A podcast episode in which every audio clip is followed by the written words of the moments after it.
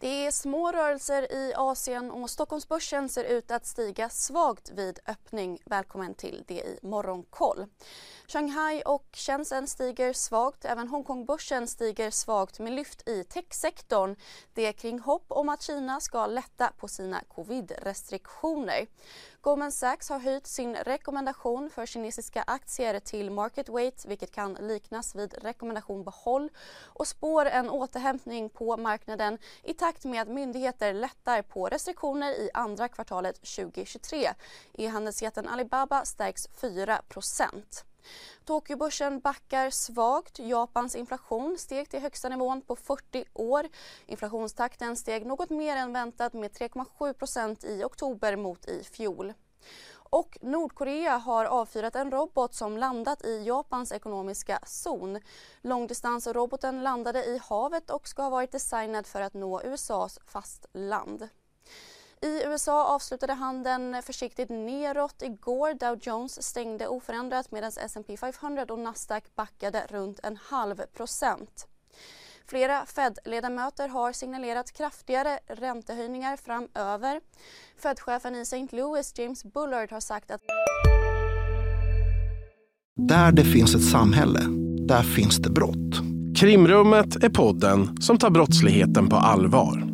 Jag bjuder in landets ledande experter och tar upp aktuella rättegångsfall för att begripliggöra den kriminalitet som kryper allt närmare. Du, alltså, du kan knäcka ett eller några gäng, men det kommer komma nya och så kan vi knäcka dem sen. Men att du ska knäcka allt forever, det kommer aldrig ske. Det är infinite gain. Lyssna på Krimrummet, en podd från Expressen med mig Kim Malmgren.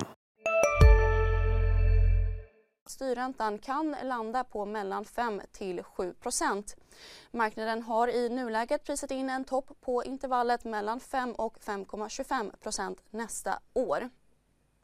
Detaljhandlarna Gap och Macy's steg 7,5 respektive 15% på bättre rapporter än väntat.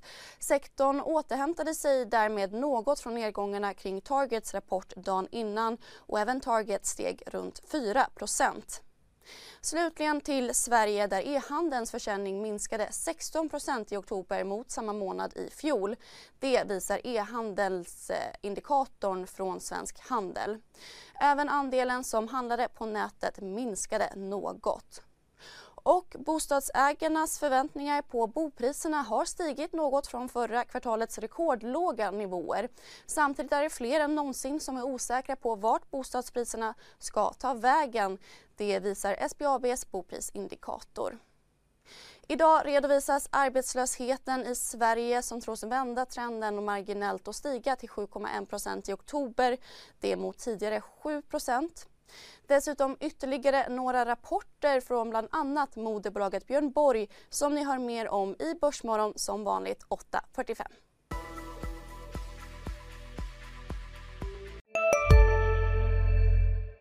Har du också valt att bli egen?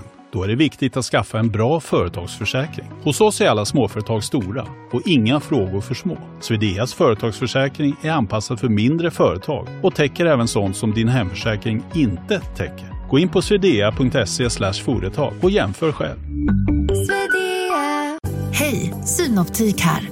Hos oss får du hjälp med att ta hand om din ögonhälsa. Med vår synundersökning kan vi upptäcka både synförändringar och tecken på vanliga ögonsjukdomar. Boka tid på synoptik.se.